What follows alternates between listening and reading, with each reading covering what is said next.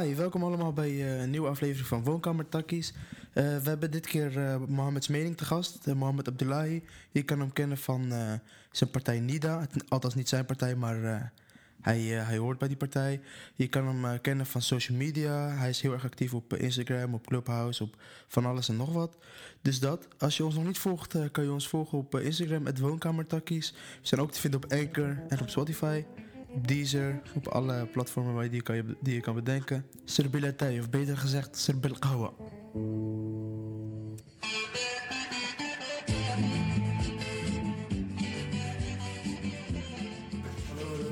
Hij is echt, echt lauw, man. Hij is echt lauw. Ook gewoon op hoe die op tv uh, ja, man. Bro, hij is, hij is de enige die scheid had aan Wilders, hè? Ja. Die gewoon elke keer tegen inging. En Wilders zegt zo, vroeger was alles beter. We hadden ons eigen land. Onze mensen woonden hier. We spraken allemaal Nederlands. Vroeger waren we nog echt trots op wie we zijn. En dan komt Pechtel daar rustig aanlopen en zegt... Vroeger, wat bedoel je dan 1978? Dat uh, mijn oma bijvoorbeeld net niet genoeg geld had om te leven? Of dat mijn opa, toen uh, zijn ja, vrouw ja. was overleden, deze, deze issues had. Of dat ze naar de kerk moesten om te smeken. Bedoel, bedoel je dat? Vroeger, toen ze geen wc hadden. Bedoel, bedoel je die tijd? Bedoel, bedoel je dat? en die hele kuip erin. Hij zegt ze, nou meneer Pech, tot in ieder geval vroeger voordat u hier binnenkwam. En iedereen, oh. Ja, precies. Ja, ja, ja. die, hij, hij durfde, Mattie. Maar hij had swag, snap je? Ik ben niet eens met D66, dat je het weet. Nee, nee, nee, nee, nee. Dat is niet mijn partij. Maar Pechtold vind ik echt tof gozer. Pechtold is afgetreden, toch? Ja, man. Nee, hij is gewoon gestopt. Hij is gewoon gestopt. Oh, hij is... Ja, ja, hij is gewoon gestopt. Hij is nu uh, directeur van het CBR. Echt? Ja, man. Oh. Ja, bro, hij gaat overal onze rijbewijs. Trekt hem zo in als hij wil. Toevallig zijn we net zijn we, staan, hebben we een stopteken gehad van de politie onderweg hierheen. Echt? We, waren dus, we, mochten, we mochten niet met z'n vier in de auto zitten. En toen? Ja, Moeten? Hè? Nee, uh, waarschuwing. Ah, zijn lauw, man. Geit die zijn wel lauw. Zondag op laatst komt er eentje. Ik was een kwartier te laat voor de avondklok. Toen zei, wat ga je doen? Ik zei, nice. Zei hij, ja, ga lekker. Ik zei, ja, je mag me ook een boete geven, maar uh, betalen doe ik toch niet. Zegt hij, waarom? Ik zei, nou, oh, uh, vorige maand mijn baan kwijtgeraakt. Zegt hij, oh, ja, dat snap ik wel, ja. Ik zei, ja, precies. U heeft er niks aan, ik heb er niks aan. Hij zei, ga lekker naar huis, jongen. Ja, was ik sowieso op plan, maar ik wil nu gewoon vertellen. wel goed, wel goed. Uiteindelijk zijn dat ook gewoon mensen, maar je moet Ja. gewoon, eigenlijk moet je eerst, en dat is mooi hè, dat is mooi ook wat islam zegt. Eerst harten zacht maken, daarna pas met feit te komen. Ja, Hunt. Basis. zeker, zeker. Mohammed, wat is iets wat eh, weinig mensen van je weten? Want we weten dat je eh, imam of imam in opleiding bent. We weten dat je voor NIDA en in, zeg maar, in politiek bezig bent. Maar wat is Mhm. iets wat je zeg maar, buiten deze dingen doet of iets waarvan je denkt van weinig mensen weten dit? Ehm, mijn eerste grote vriendengroep. Mijn eerste grote vriendengroep. Mensen waarvan ik echt heel veel hou. En mensen die heel dicht bij mij staan en die mij echt als allereerste gewoon normaal hebben behandeld. Eh, is een hele grote vriendengroep die niet moslim zijn. En broer, ik zat altijd met hun te chillen terwijl daar eh, dingen gebeurden die eh islamitisch gezien niet echt oké zijn.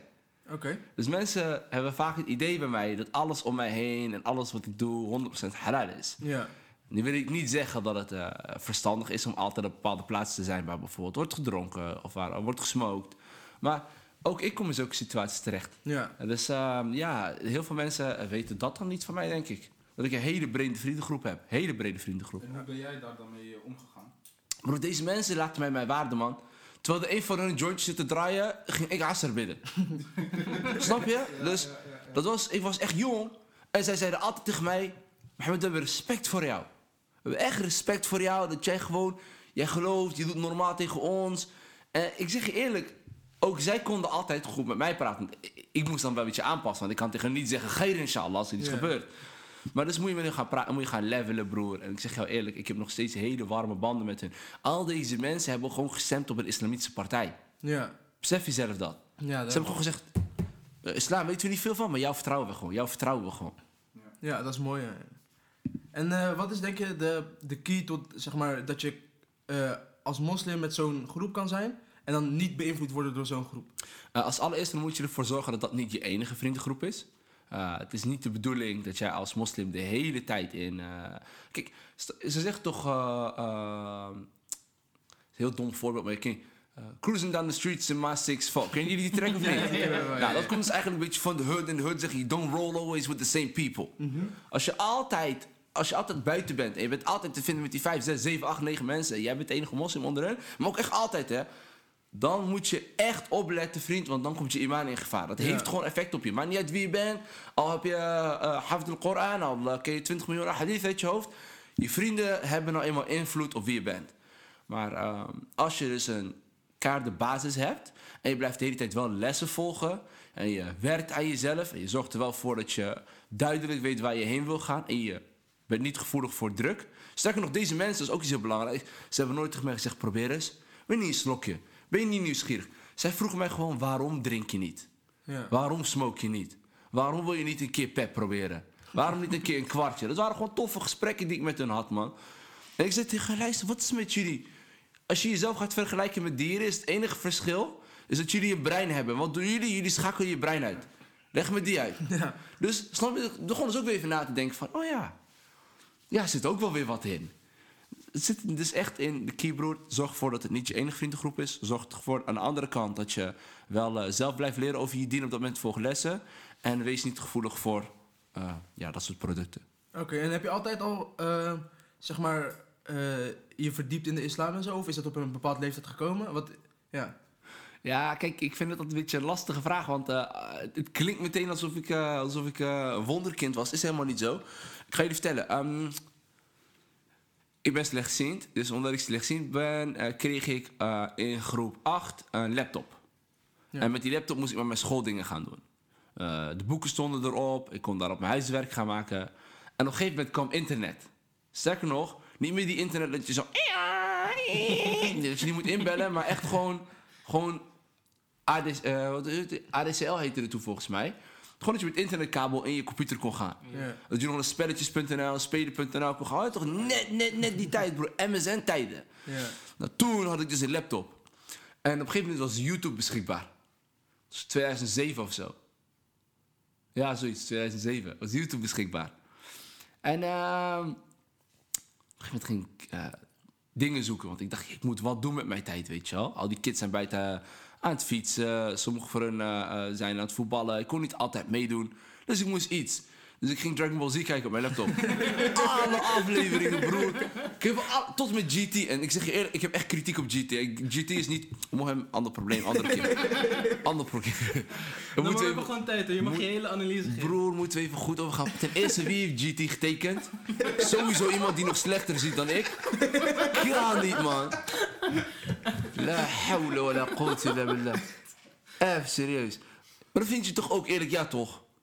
We, heb, heb jij GT gekeken? We hebben allebei niet heel veel we hebben, we hebben Naruto helemaal Ja, Naruto kan ik met jullie over meepraten. Naruto heb ik ook helemaal afgekeken. Geen probleem. Maar leg mij Kaguya uit dan. Dat is die... Uh... Dat is die laatste... Die... Leg me uit, wat, wat deed ze daar? Dat is gewoon die eindbaas, toch? Eindbaas, ja. Zij was, zij was toch eigenlijk degene die zeg maar Sasuke en Naruto... Uh, Nee, zij was de- die de- afstammelingen, toch? nee, ja, dat zij was was het hele verhaal. die- Jongens, zijn jullie nou Naruto-kenners of niet? Ja, maar zij was degene die... zij was De gewoon degene die... Otsutsuki had er helemaal niks te doen. Andere, ik word er helemaal boos van. Laat maar gewoon. Laat maar, laat maar, alsjeblieft. Ga er allemaal met je fijn. Het is nou eenmaal zo, het is niet mijn programma, ik heb het ook niet gemaakt. Anyways. Dus op een gegeven moment uh, had ik dus Engels geleerd. Dus omdat ik goed Engels kon begrijpen op dat moment... Uh, ging, de, ging YouTube verder voor me open. Want heel veel in het Nederlands was er niet. Je had wat filmpjes, je had zo'n sneezende panda. Je had, uh, uh, je had die... Chocolate rain. Ja, ja. Chocolate rain on in the scene in the chocolate rain. Die dingen waren allemaal heel populair. En dat, dat is een beetje hoe YouTube begon. Maar toen, in één keer, begonnen mensen zelf dingen te uploaden. Dus typte ik in islam. Dacht, Goh, kijk wat gebeurde. Broer, ik kan heel slecht spellen, hè. Ik heb dyslexie. Dus ook dat was een beetje lastig. Dus ik typ in islam. En in één keer komen er allemaal filmpjes.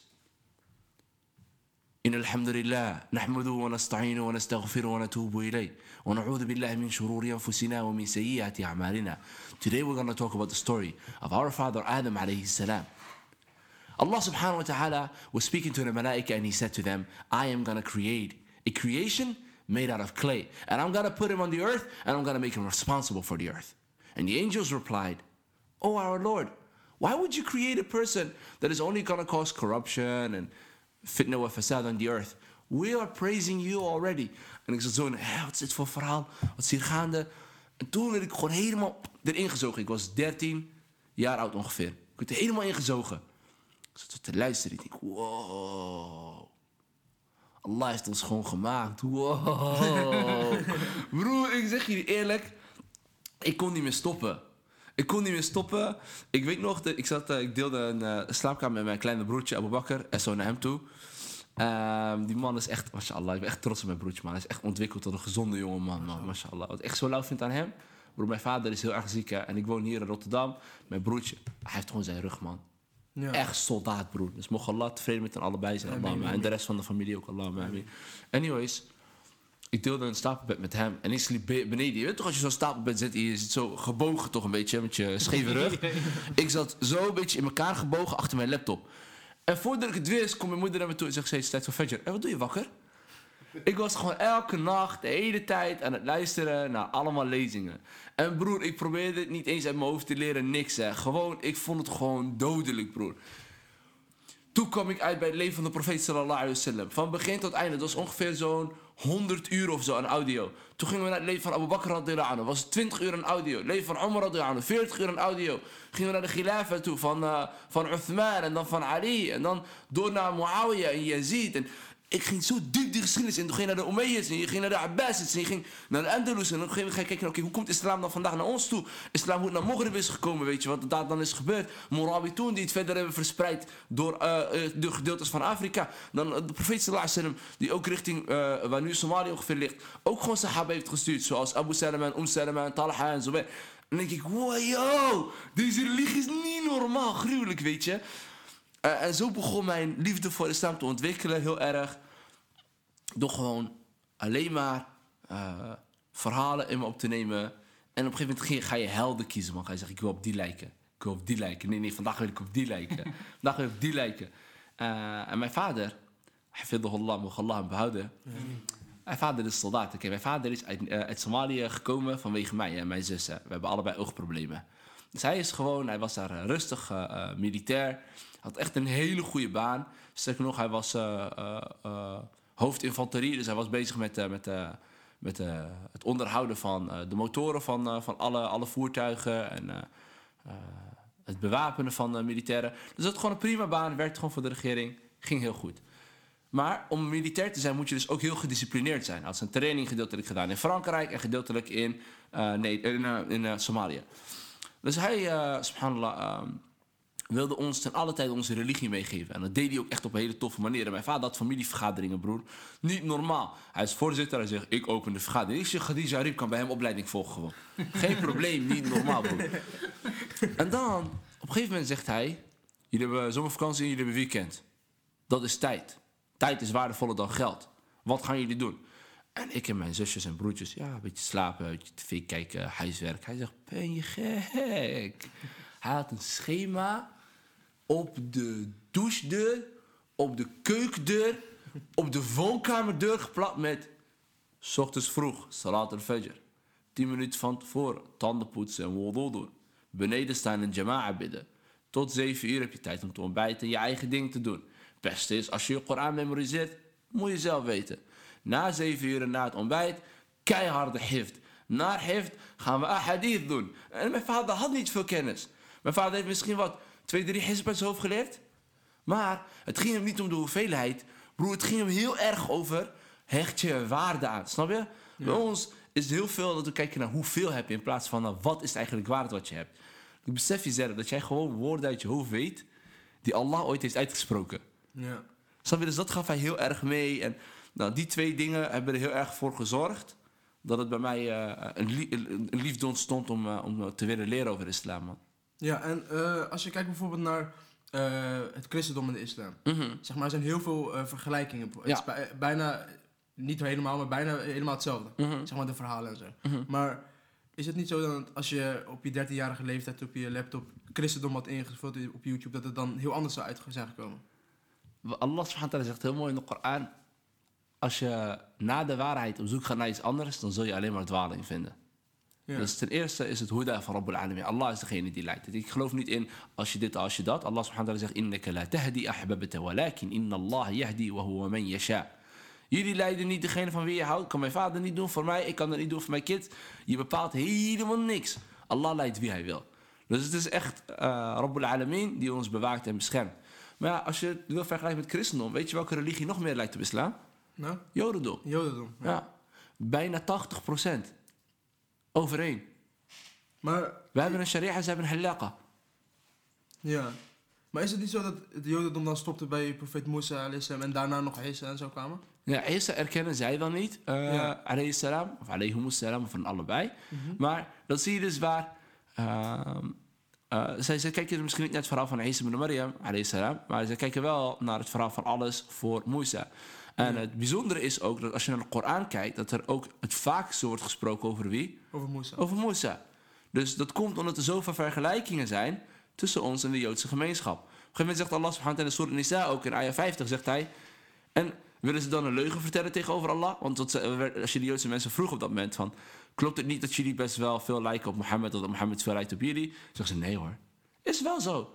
Vriend, wij mogen hun vlees eten. Hun vlees is halal voor ons. Ja. Besef jezelf dat hè. Maar daar verschillen de meningen ook over, toch? Niet over kosher. Wel over christelijk eten, maar over kosher niet. Want er was een tijdje dat de KFC kosher was, toch? Nee, nee, nee. K- KFC was eh halal, werd er gezegd. Maar kosher niet. Kosher werd hier nooit geaccepteerd. Kosher is zo zwaar. Kosher is nog strenger dan halal. Echt, als je alle eh, principes langs gaat van halal... dan ben je van kosher nog niet goed genoeg. Kosher zegt, nee, ook dit, ook dit, ook dit, ook dit. Ik moet Ja. Jood, rustig aan, Mattie. Ja.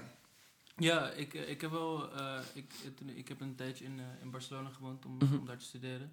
En daar eh, ging ik heel veel om met een eh, Joodse jongen. Mhm. En hij heeft me heel veel verteld over eh, kosher. En dat het ook gaat over hoeveel poten een dier heeft. En het is echt heel veel. Ja, man. Het is echt veel, eh veel eh qawaid, heel veel eh, principes. Ja. Maar dat zie je ook in eh, reiniging. Ze hebben ook een re- regels van reinigen. eh, dingen die je gebed annuleren.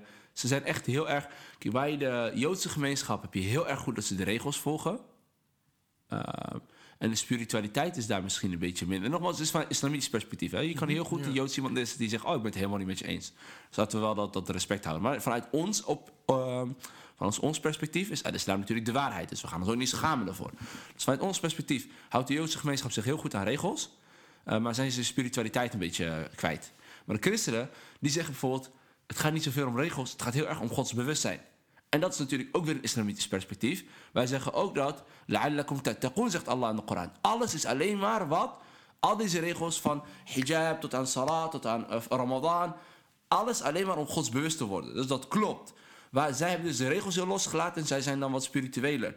En wij moesten proberen al was dat weer in het midden te zitten. Dus wel de regels en de spiritualiteit bij elkaar te hebben. Dat is inshallah sirat al-mustaqim. De rechte, kortste weg naar Allah toe. Eh, je had het over de Ramadan. Die is, eh, die is bijna. Ja, Inshallah over eh, minder dan een maandje. Yep. Inshallah. Eh, wat, eh, hoe bereid je je voor op de Ramadan? Bro, Ramadan gaat alles aan de zijkant behalve Koran. Dus ik ben nu alvast bezig om eh, door de Koran te gaan. eh, weer opnieuw eventjes eh, te kijken naar eh, welke dingen ik ga doornemen. En aan de ene kant is natuurlijk eh, iedere avond in Tarawih lezen we een, eh, een, een juz, dus twee hizb. Zo zullen we dus heel Ramadan de Koran hebben eh, uitgelezen in Salah. Ehm, en daarnaast moet je weten, de Koran kan je in drie delen verdelen. Dus je kan, een deel is regels, een deel is eh, verhalen... en een andere deel gaat over qiyam en iman. Dat is alles over wat je moet geloven. Dus één gedeelte nogmaals over regels, hoe we eten enzovoort, we kennen. Ander gedeelte over allemaal verhalen. Een ander gedeelte over wat we geloven. Als je naar het gedeelte van verhalen kijkt, verhalen van de profeten, verhaal van Luqman, verhaal van de moeder van eh, Jezus, van Isa, eh, dan, dan haal je daar echt heel veel uit. Dus ik ga dit jaar Ramadan inshallah mij focussen op uh, uh, Qisas al-Quran, de verhalen van de Koran inshallah. Inshallah, inshallah. Inshallah. Wat is het verhaal uit de Koran wat jou... Als jij één verhaal nu moet noemen, welk verhaal zou jij dan... eh, Eh, de vraag was, vind je het mooist? eh, wel- welk verhaal uit de Koran vind je het mooist? Welk verhaal in de Koran ik het mooiste is? Ja, lastig man. Bro, het hangt er echt van af hoe ik mij voel, Mattie. Weet toch, als je... Als je eh, man, ik ga niet... Ik wil niet mensen dit, maar je weet toch, soms kom je hele vervelende mensen tegen op het internet, toch? Mhm. Ja. En dan denk je echt, hoe ben jij namens islam aan het praten? Hoe doe jij dat? Met, met jouw manieren, met... Dan denk ik gewoon aan Noor alayhi salam, die zegt... قال يا ربي ik kan bijna die dua niet zeggen, het is echt erg. لا تضر على الأرض من الكافرين ديارا إنك تضرهم يدلوا عبادك ولا يلدوا إلا فاجرا كفارا De dua van Noor alayhi salam die gewoon zegt, ja Allah, ik weet niet meer wat ik moet doen met deze mensen. Alsjeblieft, haal ze gewoon weg.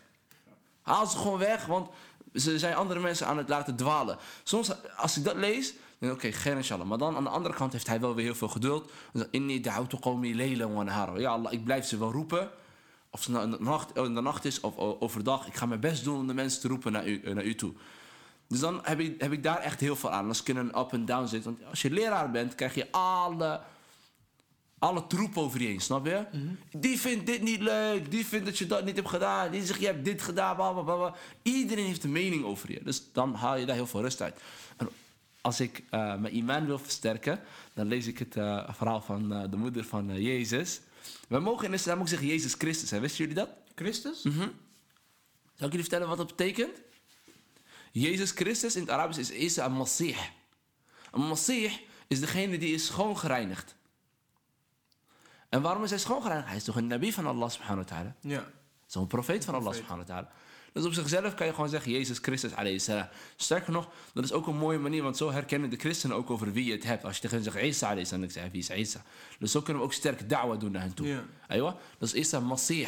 Een Masih sahih. En de Dajjal is Masih Dajjal. Waarom? Hij is de neppe De Masih. Juist. Dus hij is degene die Jezus gaat proberen na te doen. Snap jullie hem dus? Ja. Ja. Dus voortaan kan je gewoon zeggen, Jezus Christus, dan hoef je niet te denken dat je fout zit. Weten we dat ook weer? Ja, en dan kan je een beetje da'wa doen bij de christelijke mensen, inshallah. Al-Muhim.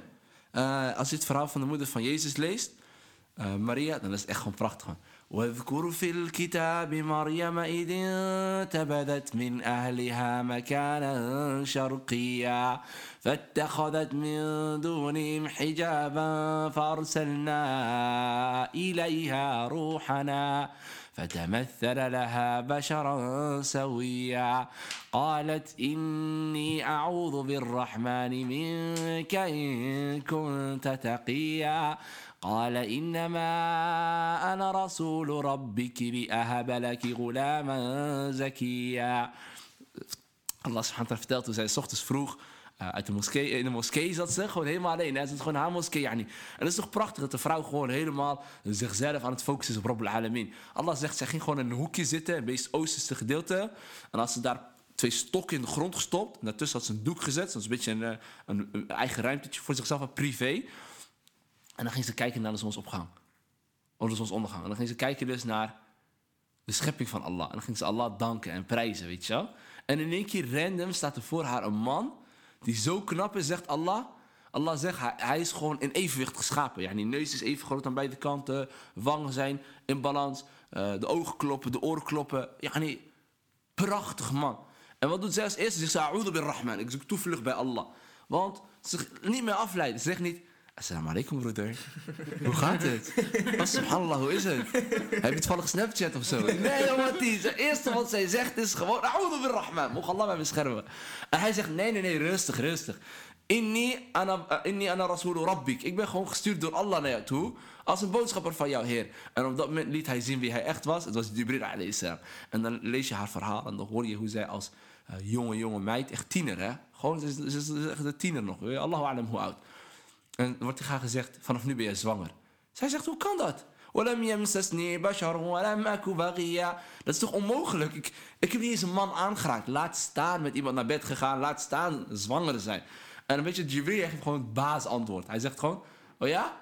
Ga je met redenen komen? Zeg maar logica. Hij zegt, Hé hey vriend, Allah heeft het gezegd. Laat me met rust. niet bij vragen. En dan denk je gewoon, wow, dit is zo gruwelijk. Ja man, dus zo ga ik gewoon door de Koran inshallah ta'ala.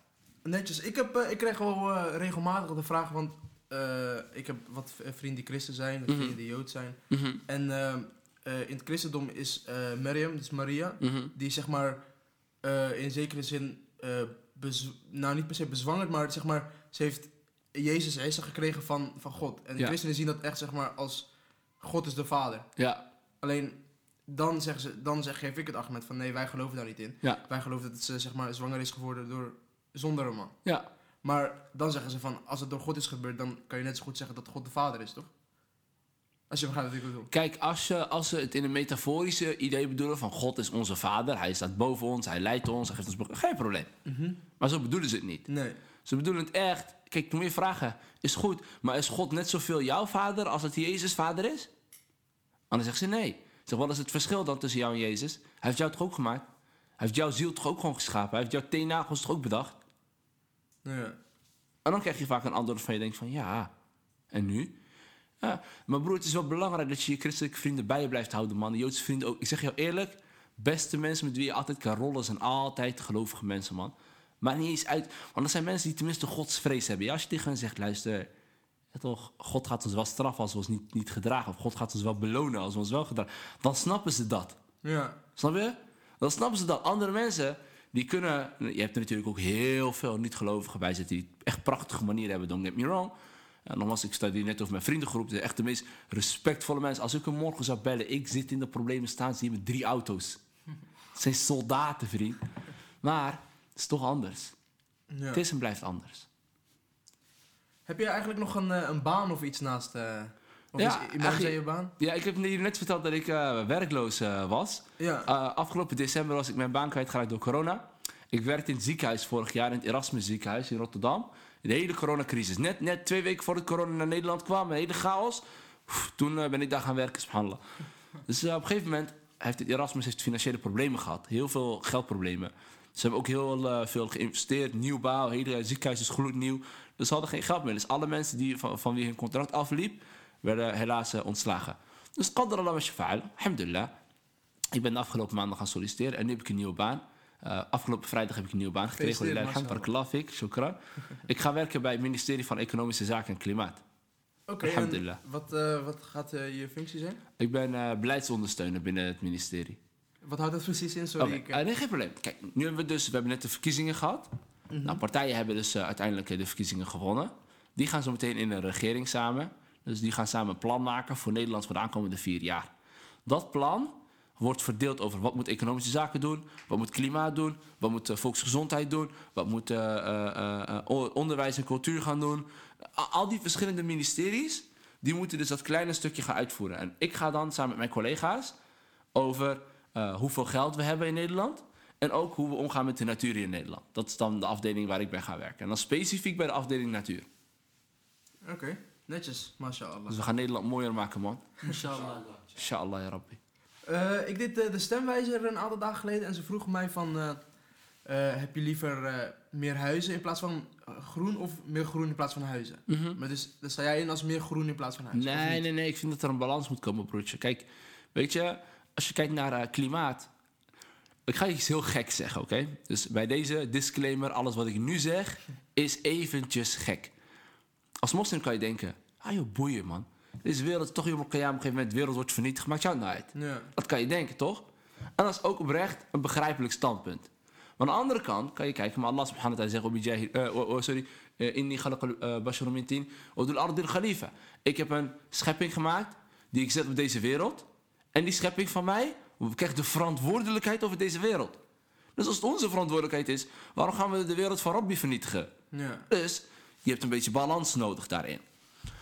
Als je de klimaatdoelstellingen wil halen en je wil zeggen: ik wil niet dat dit land eh, of deze wereld eh, warmer wordt, zodat er zo meteen meer overstromingen gebeuren, dan kan je kijken naar jou en mijn leven, of we een paar bomen extra kunnen planten. Oké, dat helpt misschien. Of we kunnen gaan kijken of we echt ons leven anders kunnen inrichten, man. Kijk naar al die grote bedrijven die de hele dag door maken ze schoenen. De hele dag door maken ze microfoons die we gebruiken. De hele dag door zijn ze bezig met kippen en met eh, varkens en met eh, eh, koeien. Wij hebben meer, bijna meer dieren in Nederland. Bijna meer dieren in Nederland dan mensen. We hebben gewoon 12 miljoen dieren of zo in Nederland, dacht ik. Dat is belachelijk, broer. Ja. Ja. We zijn 17,5 miljoen mensen. Maar dat komt gewoon omdat wij allemaal, we willen meer, meer, sneller, goedkoper, dit, dat, zus, zo.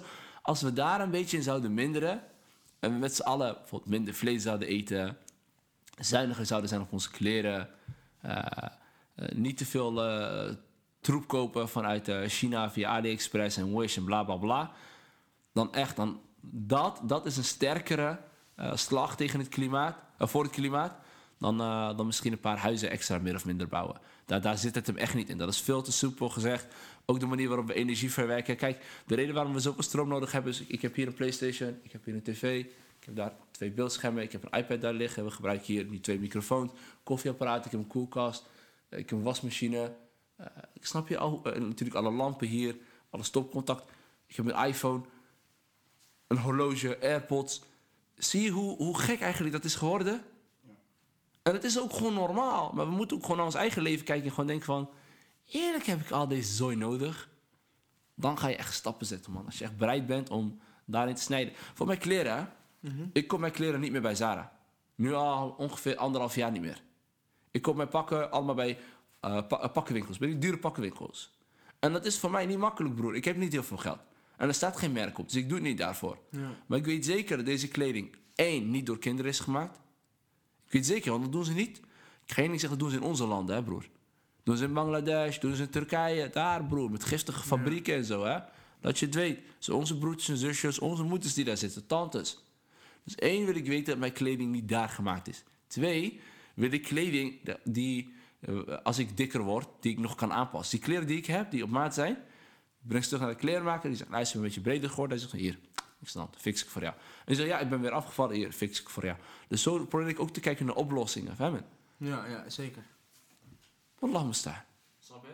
Dus die klimaatdoelstellingen die gaan we pas halen wanneer wij, al-awam, de gemiddelde persoon, eens gaan nadenken over wat willen we. Corona is letterlijk ontstaan, letterlijk ontstaan door de manier waarop wij omgaan met dieren. Letterlijk. Letterlijk. In China is het normaal. En niet alleen China, Nederland kan er ook wat van hoor. Want Nederland heeft ook mond- en klauwzeer, vogelpest, vogelgriep, bla bla bla, Q-koorts, varkensgriep. Allemaal ziektes waar gewoon mensen aan dood zijn gegaan. Dood, gewoon dood, dood, dood. Dat zijn gewoon dood. Me- Meet. La hawla wa billah. Voor wat voor dollars, broer, voor euro's. In China zit je daar een kooi van een vleermuis. Zit je op een rat. Zit je naast een, eh, eh, een schildpad. Zit je naast een krokodil. En dan zegt ze, ja, doe die maar, doe dat maar. Al die poep ligt overal. Is het normaal? Dat we. Normaal. Wij ko- Ik kom spinnen tegen mijn eigen huis. Wat denk je dat je daar gaat vinden? Maden. Hier in Nederland vinden wij prullenbakken. Laatst zag ik eh, iemand. Hij was aan het vertellen aan de Telegraaf. Hij is vuilnisman. Er werd hem gevraagd, wat vind je wel eens? Hij zegt, ik vind van die vuilnisbakken, dat doen mensen soep in... en dan vind je gewoon 10.000 wormen in terug. Zo snel gaat dat, hè? Want dat ligt in de brandende zon. En wij moeten echt op deze wereld gaan letten, man. En zometeen ga je echt zien... Hajj is tegengehouden door dieren nu. Ja. Hajj. Het is niet, het is niet iets wat je kan negeren. Alsjeblieft, neem klimaat serieus.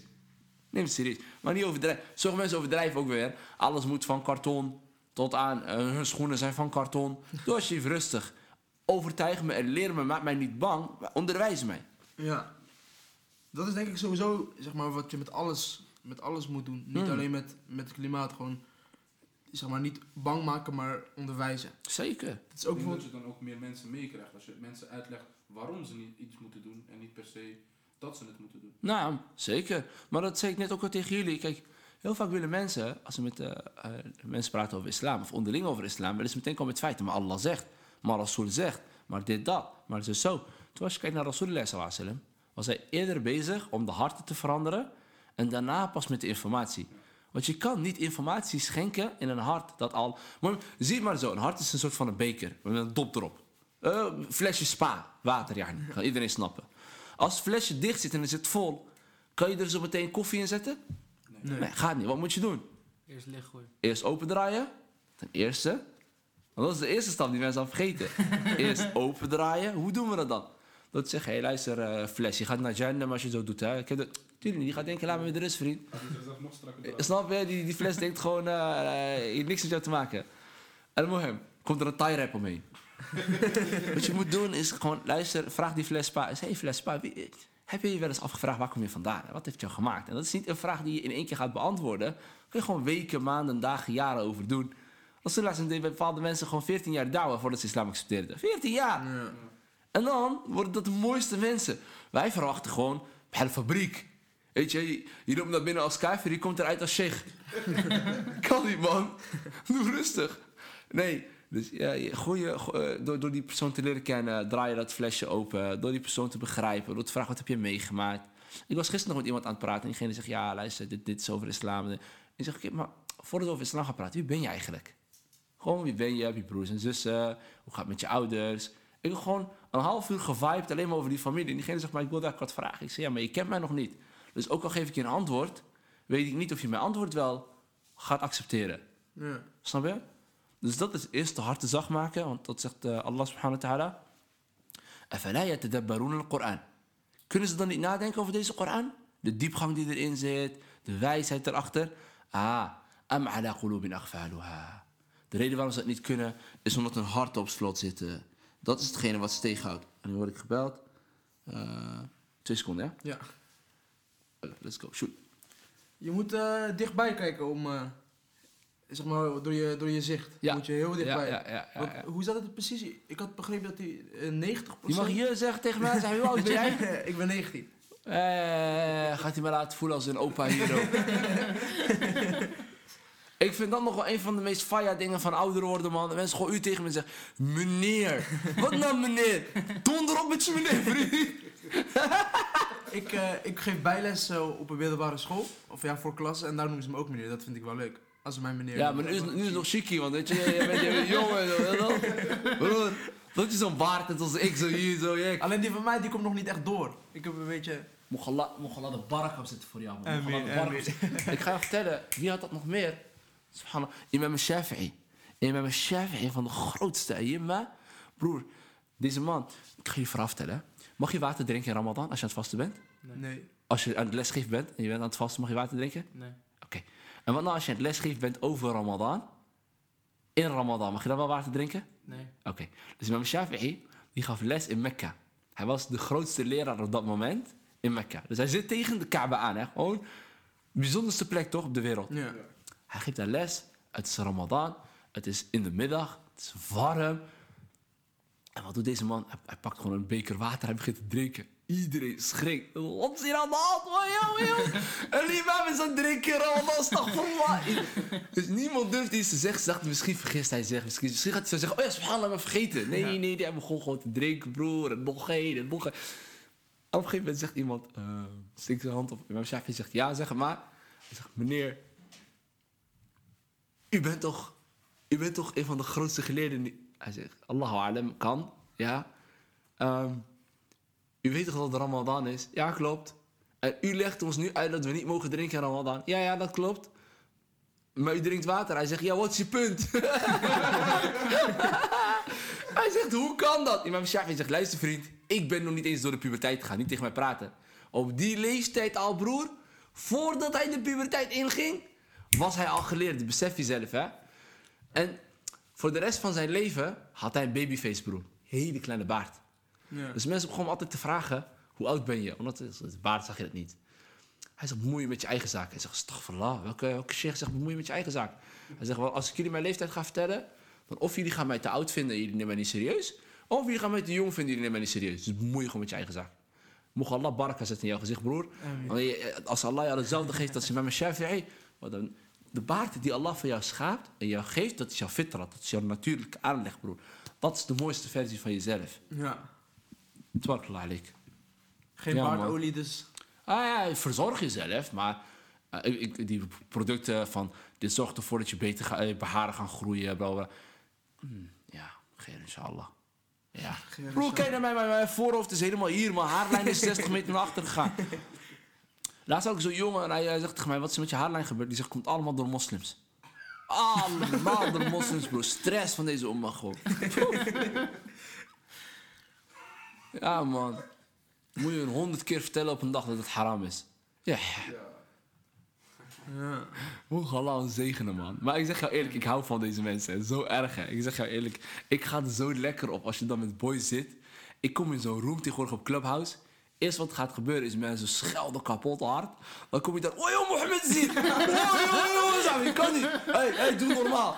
Ik ga helemaal brok. Ik zeg tegen hem, broertje, wat is er hand? Hij zegt, ja, Mohammed, luister dan. Ik moest een beetje schelden, want hij schold mij. Ik zei, ah joh, niks aan de hand, joh. En dan twee uur later ben je mensen aan het lachen. In een andere kamer kwam ik binnen. Mensen scholden mij uit, hè. Scholden mij uit, gewoon, gewoon 20 minuten. Ja. En ik ging gewoon met hen hangen. Ik zeg, oké, luister, ik kan me uitschelden. Misschien klopt het wel wat je over mij zegt, maar Kan je mij vertellen wat ik fout heb gedaan? En ik begon te viben met hun, broer. En te viben met hun. En te chillen met hun. En na, na ongeveer 20 minuutjes was er iets van... "Hé, maar ik vind het wel bijzonder. Waarom ben jij hier eigenlijk? Waarom scheld jij niet terug? Je zegt toch met broertjes. Wat voor zin heeft het om elkaar uit te schelden? Dus wij zaten in die kamer, toch? Ja. Ja. Oh, dat jullie erbij? Volgens mij zaten we erin, ja. Nou, ik vond het echt dodelijk, man. En dan, dan laat het gewoon zien dat er in iedereen gewoon een beetje goedheid zit, snap je? Ja. Geen inshallah, man. Ik vond het gewoon hard. Ja. Het grappigste van, eh van Clubhouse en vooral van, eh, van jou is... Soms ga je in Clubhouse en dan kijk je in een room en dan zie je Mohammed's mening. En dan zie je iemand die eigenlijk helemaal... Waarvan je nooit zou verwachten dat, dat, dat jullie samen in een room zouden zitten. Dat vind ik, wel, dat vind ik altijd wel grappig Ja, om te zien. Ja, klopt. Eh, je, je moet jezelf nooit te hoog voelen om met mensen te praten, broer. Eh, ik had bijvoorbeeld een clubhouse room geopend een keer. En twee zusters eh, die eh, waren de moderators. En op hun profielfoto kon je niet echt zien aan hun dat het praktiserende dames zijn vanwege hun kledingstijl. Ja. Maar zo zie je dat er veel meer zit in zo'n persoon. En we begonnen, deze dame begon ayat te quoten, de andere begon hadith te quoten, de andere begon dit te doen. En iedereen keek maar. Terwijl, met alle respect, kijk, eh, je hijab dragen is verplicht in islam. Zonder enige twijfel. Maar iedereen heeft zijn of haar ontwikkeling. Ja. Iedereen maakt stappen ergens naartoe. En als je die ander niet gunt om te groeien, waarom zou iemand jou wel gunnen om te groeien? Zeker, ja. Niemand is geboren met islam eh, 100% in zijn of haar hoofd, man. Iedereen moest het leren. Ja.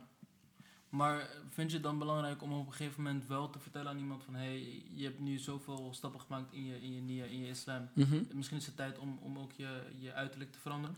Ja, als je iemand kent en je weet iets meer over een persoon, geef dat soort advies.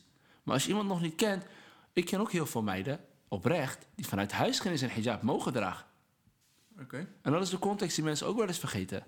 Ouders die bijvoorbeeld super liberaal zijn, die zoiets hebben van: ik wil niks met religie in mijn huis. Moslimouders, hè? Ja. Ik ken ze, broer. Ik ken gruwelijke verhalen van mensen die worden geslagen omdat ze thuis bidden. Dat, Ja. En dat, dat gaat toch niemand zeggen? Wie wil er nou zeggen: ik mag niet van mijn vader? Ja. Ja.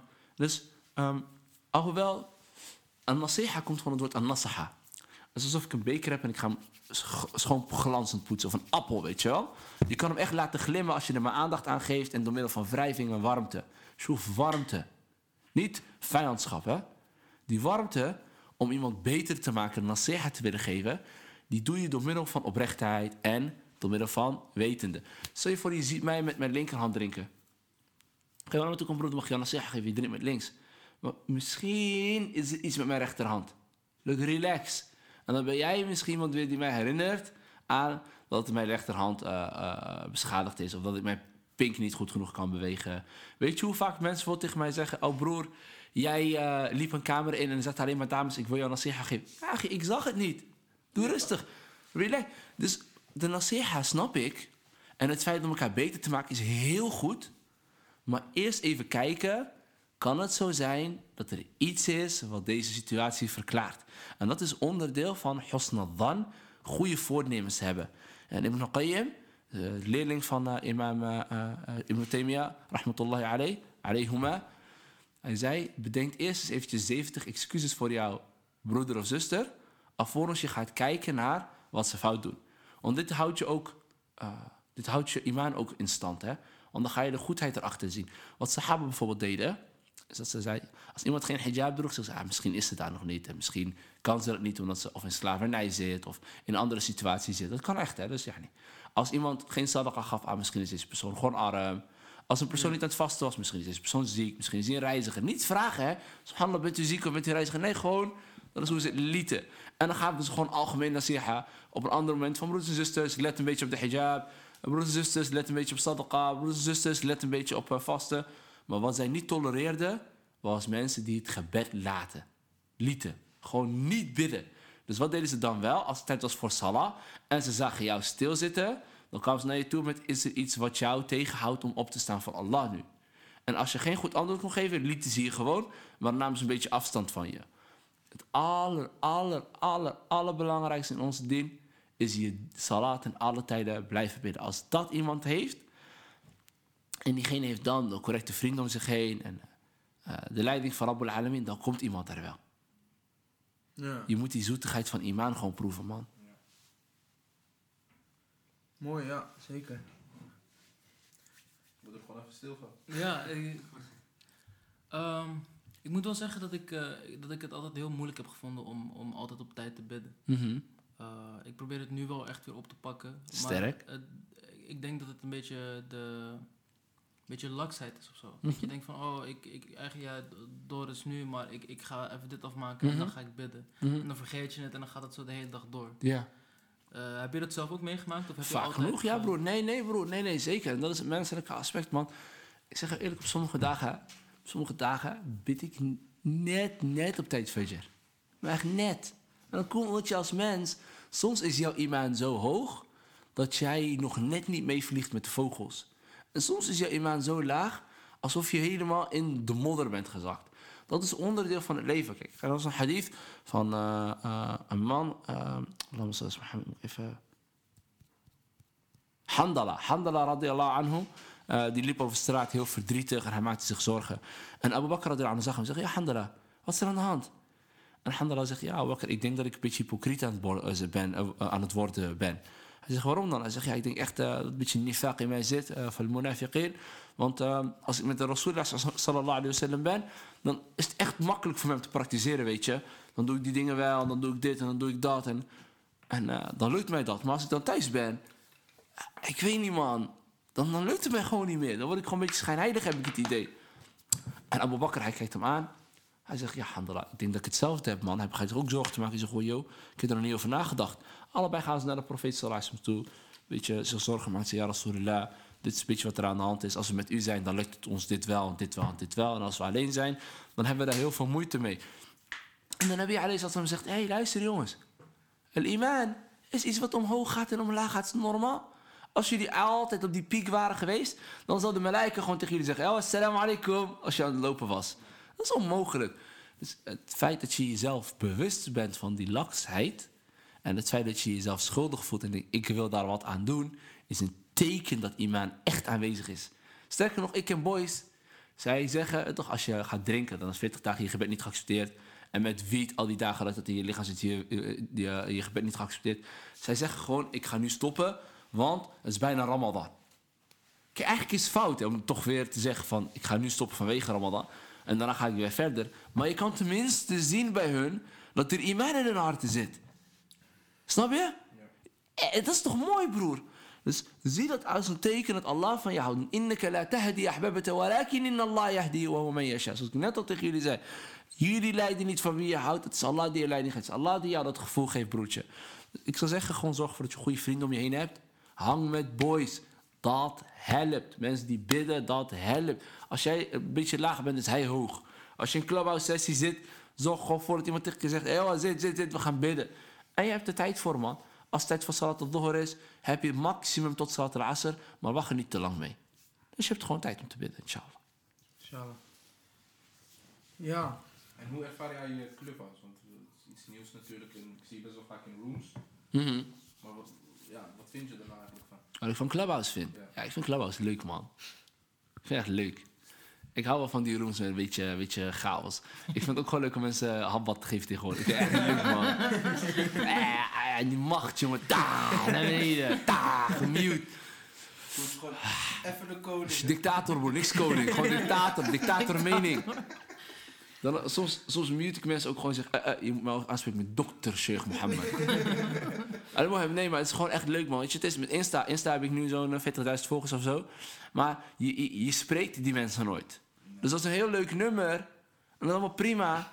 Maar ik spreek ze nooit. Ik wil gewoon met al die 40.000 kunnen lachen, praten. Dus het liefst zou ik gewoon een clubhouse sessie hebben met gewoon 10, 20.000 mensen erin. En dan gewoon de hele tijd random mensen omhoog zetten. Jalla, kom omhoog. Jalla, what's up? Hé, hey, wat wat is gaande nu? Ja, ta, wa, wa, wa. Dat is leuk, man. Wat is je echt bijgebleven van Clubhouse waarvan je zegt wat je zelf hebt meegemaakt? Of wat Mm. iemand heeft gezegd? Of... Wat is me echt bijgebleven? Het was de laatste ruzie toch op de Clubhouse? Ja, joh, ik, ga kijken, ik ga kijken naar iets positiefs, Ja, man. dat wil ik Ja. net zeggen. Even kijken. Ah. Maar Ik herinner me nog... Oh ja, ja, Shahada, man. Ja? Op Ja, man. Ja, man. Eh, Iemand heb ik eh, diezelfde avond gesproken. Dag daarna is hij naar mij toegekomen. En de mensen heeft hij Shahada gedaan. Oh, niet, niet op Clubhouse. Nee, zelf. hij, dacht wilde heel graag in de moskee. Ja, Maar we hebben dus dawa gedaan via daar. Heel veel met hem gepraat via daar. Hij is gewoon uh, Shahada gedaan, man. netjes. Strijder, omdat hij echt, ja, ja. Heb je veel shahadas deze, eh, deze coronatijd? Ja, kapot veel. Meer dan... Ja, nee, gewoon even veel. Loop gewoon door. We hebben eh, makkelijk eh, twee, drie shahadas per week, joh. Dat is wel, ja. De islam is ook de grootste groeiende religie. Zeker weten. Twee, drie per moskee. Kijk, er komen heel veel mensen bij, maar vergis jezelf niet, er zijn heel veel mensen die islamitisch opgegroeid zijn, maar gewoon islam verlaten, hè? Ja. Dus die kant moeten we ook gewoon eh, realiseren. Allemaal leuk en aardig dat we da'wah doen naar buiten toe, moeten we ook da'wah doen naar onze mensen, man. Hoeveel van onze broertjes of zusjes weten niet eens waarom ze vasten? Dus als je een vraag zegt, zeg ik vast omdat eh, arme mensen. Ja, arme mensen kijken op de klok, het is nog twee uurtjes. nee, Mattie. Je vast omdat je Gods bewustzijn aan het opbouwen bent. Allah zegt tegen jou, eten en drinken is halal, maar nu eventjes haram. Kan je dat volhouden? Als je dat kan, dan kan je de andere dingen die echt haram zijn ook volhouden. Dat is de bedoeling erachter. Ramadan is trainingskamp. Ja. Trainingskamp. Nooit zo gekeken. Ja, broer. La'allakum tattaqoon. Opdat jullie godsbewust worden, man. Doe je, doe je zelf, eh, je zegt trainingskamp, doe je zelf nog sporten? Eh, nee, nu momenteel niet. Nee.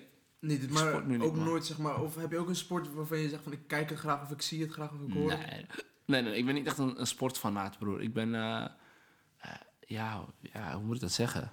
Het heeft mij nooit gepakt. Bijvoorbeeld voetbal, ik vind het leuk om te voetballen met matties. Mhm. Echt oprecht, vooral vroeger. Maar eh, voetbal kijken, nee. Ik, ik- snap gewoon niet wat daar leuk aan is. Maar oh ja, ieder zijn ding. Zo zie je gewoon, Allah zet dat in iemand, Allah zet dat in iemand. Ik drink liever koffie, man. Ja. Kan ik je koffie voor jullie inschenken of niet? Ja, Willen jullie gewoon even een keer een shotje proberen zoals ik hem drink? Ja, toch? Ja, Moet je gewoon ja, mannen ja, gedrag. ja, zeker. Geef me één momentje, ja? Is goed. Maar dit is echt mannengedrag, hè? Geen, niet huilen, hè? ik zeg je eerlijk, ik hou wel echt niet van koffie. Ja, we zijn, we zijn gewoon ik- koffiedrinkers. Ik, ik drink het nooit zwart. Ja, vandaag wel. Ga niet halen, boys. Ben je, ben je koffie, eh, Marwan? Nee man, Niks. ik hou echt niet van koffie. Maar Wat eh, heb je koop? nee, niet zo. Gewoon weer wc dat Maar ik hou nog steeds hier. Ik heb in de wc. Ik heb hem al- Nee, ik nee, heb- ik heb hem al lang doorgestuurd. Heb je wel... Die is gek, jongen. Slik je kauwgom door. Ja bro. Mohammed, Ja, slik je kauwgom door. Wat? Kauwgom. Oh, wie slikken? Ja. Ja. Nee, man. man. Het is een rubber als sabi. Je bent met die setup, bro. Dat is wel lekker al. Nee, maar ik kauwgom... eh, ik slik dat ook niet door, man. Vroeger wel, Bubblicious. Nee, ook niet, man. Dat is te Ja, groot, man. dat is te groot. Waarom niet? Bubblicious was wel Deze lekker. Dat is slecht voor je. Ik weet niet. Maar bro, is... Het gaat plakken in je maag, bro. Ah, Ik voel niks plakken, maar er Plak in je maag, eerlijk. Nee. fictie 100 uh, kauwgompjes in mijn buik. Eet je, eet je eh, watermeloenpitten. Die zwarte. ja. Gewoon wel. Dan groeit het die plant in je, Als ik in je ze- maag, hè? Als ik ze zie, dan haal ik ze eruit hoor. Nee, maar als je, als je ze eet, dan Ik haal ze altijd uit mijn mond ook als ik ze niet... je, die plant kan, kan zeg maar, met je maagzuur kan groeien in je maag. Ja.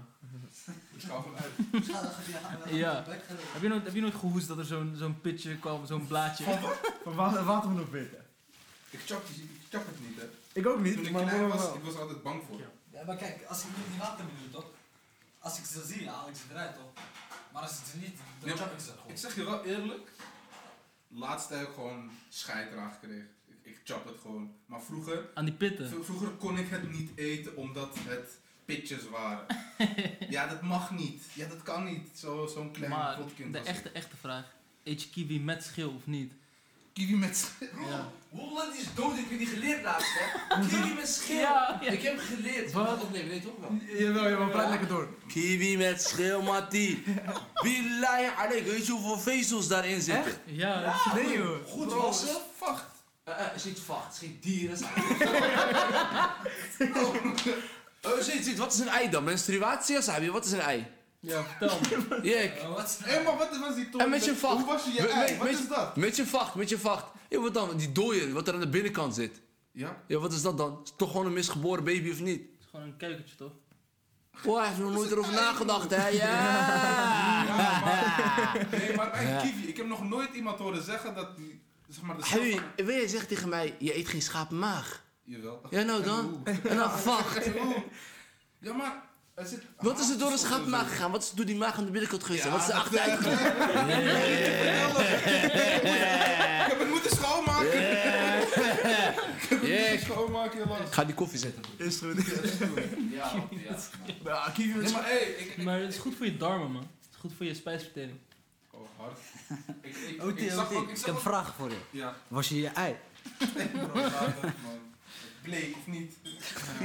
Dat ligt eraan. Ja, Ja. maar ik, ik heb ook wel eens mensen horen zeggen dat ze banaan choppen met schil. Nee toch. Ja. Dat is gewoon die, eh, die kalium ook, toch? Weet je wat het is? Ja, ja. Weet je wat ook veel mensen doen? Eh, eh, die banaanschil bij planten doen. Wat? Voor wat? Er zit Oh ja, kalium. Ja, ja, ja. Biologie. Man. Kalium, natriumpomp. Choppen jullie ananas met schil? Ananas met...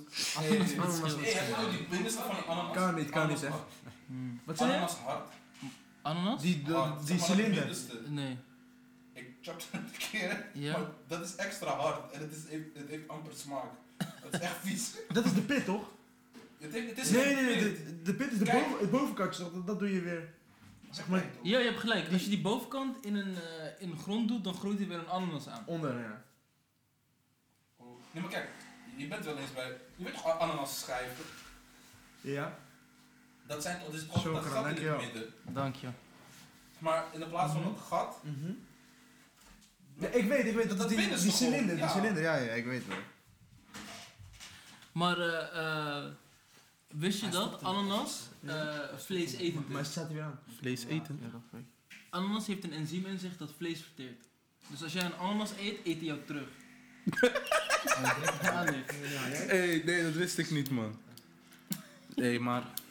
Ik vind het wel ik vind eh, ik vind wel een beetje spannend en zo, man. Bro, het is koffie, het is geen. eh, Ik hou echt niet van koffie, bro. Ja, we gaan zo, we gaan zo meteen even goede, goede koffiepraat hebben. Maar, maar wat drinken jullie nooit koffie? Ja, ik, ik, ik dronk vroeger veel koffie.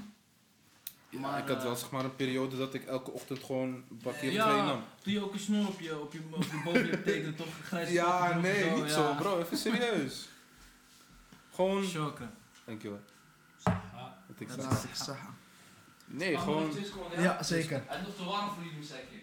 Oh, joh. Nee, ik heb. Ja. Ik weet niet, mijn ma drinkt ook altijd koffie. Ja, ja. Omdat zij het altijd drinkt, dan. eh ik een beetje opschrijven. Ben je echt een, eh, een koffieliefhebber? Bro, kijk, er zitten hier vier espresso shotjes. Dit is de sterkste level espresso's die Nespresso verkoopt. Intensiteit 14, boys, hè. Deze, deze koffie is voor jullie helemaal gebrand uit Italië, broer. Uit Italië. Een Italiaan zou gewoon zeggen, ja, bene. ja? Maar hoe, drink je dit in één keer of? Ja, mag goed. Of Laat me mag heel even afkoelen een beetje. Want, En een slokje nemen of moet je het in één keer? Broer, jij, als jij een slokje gaat nemen, ga je huilen. Dus je moet gewoon grotere slokken nemen zo. Oh, het zijn maar twee slokjes of zo. eh, Zelf twee slokken. Maar nu nog niet, hè? Oh. Ah, Ik zie hier een beetje Dat is tegenop. niet echt mijn ding. Ik zie een ding. beetje. Wat lekker. Het is een rahman van Rabbul Alamin. Het koffie is geschapen, vriend. Jullie dankbare wezens. Dat vind ik niet lekker. Wat, wat vind je de beste bonen? Ehm verschilt, man. Ik, ik, ik zeg eerlijk. Ik vind Nespresso gewoon een leuk bedrijf. Weet je waarom? Ehm, What else? ja, dat ook. Maar ze hebben gewoon echt een goed product geleverd. Kijk, ik kan met mijn Nespresso-machine de koffie maken die ze op terrasjes verkopen voor 4 euro of voor 40 cent. Ja. En het is gewoon kwalitatief. Dus niet dat ik het bedrijf onnodig wil hypen, don't get me wrong. Maar je krijgt gewoon echt waar voor je geld. Maar ik heb deze machine nu zo'n 3,5 jaar geleden gekocht. Nee, zeg ik. 4,5 jaar geleden gekocht. En hij werkt gewoon prima. Geen gezeur. Eén keer heb ik er een flink bedrag aan uit moeten geven. En daarna betaal ik gewoon 30 cent voor een kopje, voor een kopje koffie. Ja, ja. Zelfs die glazen zijn high class, dat zijn we. Ja, Ik zie het. ik zeg eerlijk. eh, Wallah alhamd. Allahumma lak alhamd. wie gaat het als eerst proberen, boys? Ga, Ja, we gaan gewoon allemaal tegelijkertijd. ga, nee, we moeten... Oh, gaan we reviewen? Ja, toch, we gaan reviewen. Maar Ik niet elkaar bang maken en zo. hè. Nee, nee, Nee, nee, nee, nee, nee. Dan moet ik als wel. Ik begin wel, ik begin wel. Oh ja, Oké, bismillah. bismillah. Moet Oké, maar ja. vaker bismillah zeggen voor deze. Oh, yo, yo. Oh, Hey, miskin. wat je me hebt aangedaan. Oh. Weer gaat bijna dood. Ik heb hem nog nooit zo groot gezien. Nee, hij is aan het overdrijven, sowieso. Bro. Als hij je drinkt, hoe leeg hè? Oké, eh, Ja, sowieso, man. Ja, jek. Mannengedrag, vriend. Nee, het valt mee. Nee, ja, man. dan. ik- Barakallah, ik habib. Bara, Barakallah. jij bent... Ja, maar jij moet koffie drinken, bro. Nee. Ben is jouw beurt, bro. Maar ik hou gewoon van koffie, dus... Ik echt... Oh, Het is wel joh. echt lekker. Ja, bro. Vinden jullie dit lekker? het is gewoon koffie. Ik ben Ja, dan heb je koffie. Ja, maar ja. Het is wel zeg maar, ik neem het altijd met melk, dus je proeft wel een verschil. Zo. Ja, Je moet hem even... eh, zo. Deze heb 60. en hoeveel van deze espresso's neem je dan op een dag? Oh, drie of zo. Oh, zoiets, drie. Ja, ik- Wij gaan allemaal niet slapen vanavond. Ah, joh, overdrijf. Net alsof we, net alsof we slapen en weer... Ik wil het zeggen. Expose hem nu even. Ja, Clubhouse Clubhouse, tot eh, s'nachts. Niet goed voor je slaapritme. Nee, we- En Mara? Denken. Nou, niet jouw pakje aan. Ik moet denk ik een glas wa- een slokje water erbij Hij hebben. weet ik. Hè, Als je dat wilt. Chokra, dankjewel. Ja. Mag ik ook een glasje water hebben? Wat zielig. We hebben hier geen... Hey, jullie kunnen ook gewoon niet blijven slapen. Dus ik ja, als als te slapen voor jullie is en zo. Jongen, jongen, jongen, jongen. En zijn- En dit zijn de mannen van tegenwoordig, hè? Rage. Is- Ah, bro. Ik. Bro, jullie overdrijven. Het is niet Ja. zo erg. is- Heeft dit smaak? Ja. Misschien met suiker erin, maar... Bro, hoe ga je hier suiker in doen? het hele Suiker- klontje hierin dan misschien wel. Klontje of... Of drie. of drie. Ja, drie minimaal. Hey, Amin heeft hem gewoon op. Ah, Psaha. goeie, goeie, goeie Zaha. koffie wel. Ah, nee, nee. Ja, dat psaha. Hoe gaat hij... eh, Bro, dat gaat hij toch niet halen? Ik ga dit gewoon in één keer achterover doen en dan... Ik hoef gewoon, weet je... Wacht maar. Oh, het is- Dankjewel. Weet je wat het is, boys? Als iemand jullie uitnodigt om ooit eh, naar Syrië te gaan, moet je gewoon zeggen: Sorry, ik kan koffie niet eens aan. Laat maar. Laat maar gewoon.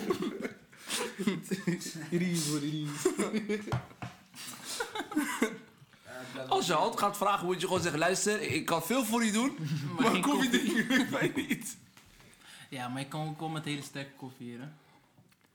Kijk, koffie, als je het leert drinken, als je het echt leert drinken, en je gaat er echt eh, op een gegeven moment eh, van houden, dan is het beter voor je dan, eh, dan heel veel. Ja, dit is gewoon oprecht gezond, hè? Dat is 100% natuurlijk, het is biologisch verbouwd, er zit geen melk toegevoegd, geen suiker toegevoegd, gewoon een klein soortje espresso.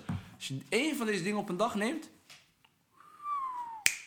geeft je boost, man. Abdurrahim al-Sa'di is de leraar van een van onze grotere geleerden, van Sheikh Uthaymin. En Sheikh al-Sa'di, Wauw, hoeveel koffie hij dronken. Maar hij schreef tafsir over de Koran. Prachtig. Op een gegeven moment zegt die arts tegen hem... Je moet wat meer slapen en minder koffie drinken. Weet je wat hij terug zegt tegen die arts? Hij zegt... Als jij net zoveel had geslapen als dat je mij had geadviseerd... had jij je opleiding niet eens afgemaakt. Dus ga weg met je slaap.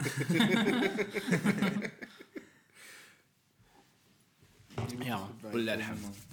Oh ja, maar vertel eens even wat meer over jullie zelf. Wie zijn jullie? Wat doen jullie?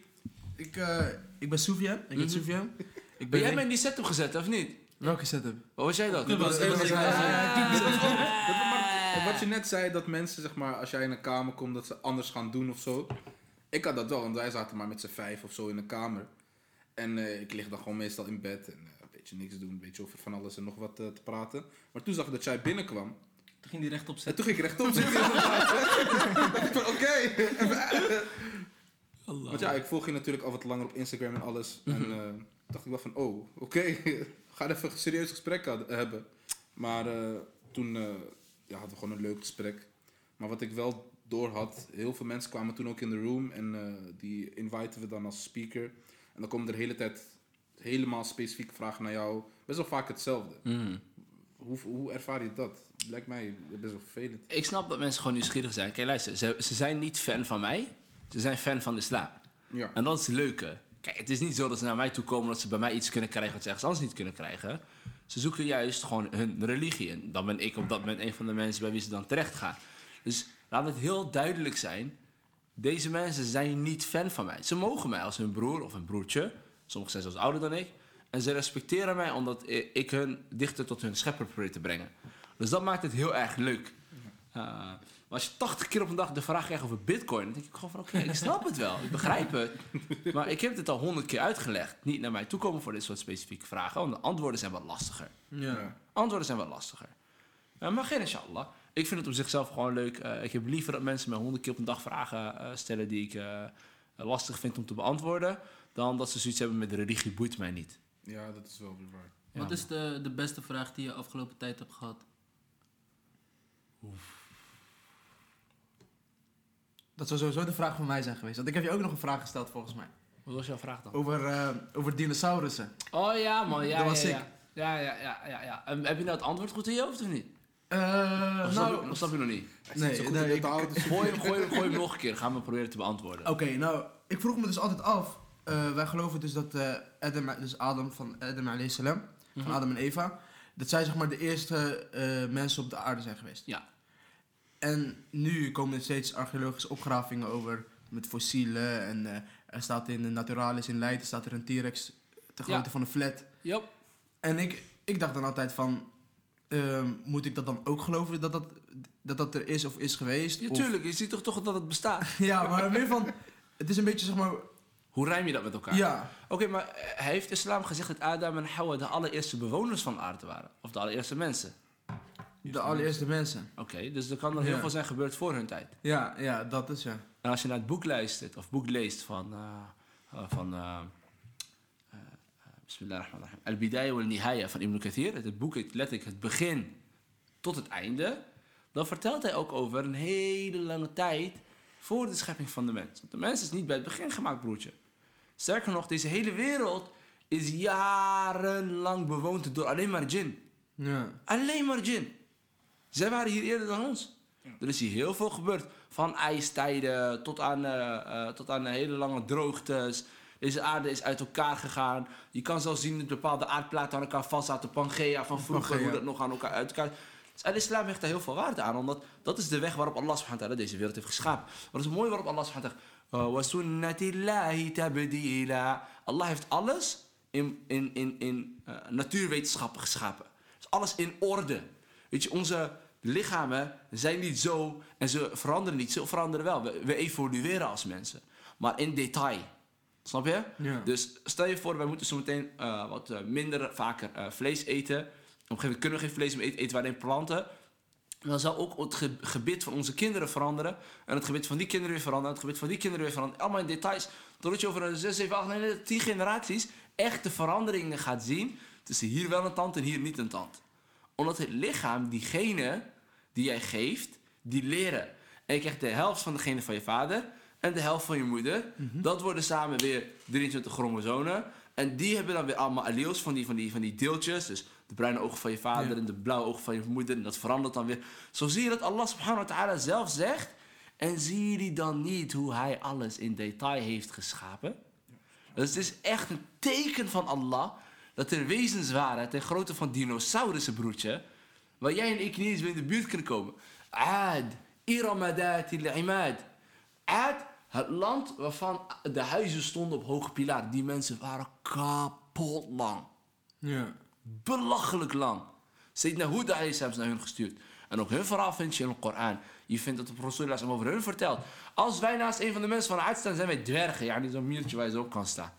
Snap je? Ja. Dus deze wereld heeft heel veel verschillende scheppingen gekend, broertje. Heel veel verschillende scheppingen. Mensen hebben op andere leeftijden geleefd. Noor leeft 950 jaar. Wie, wie, wie leeft er?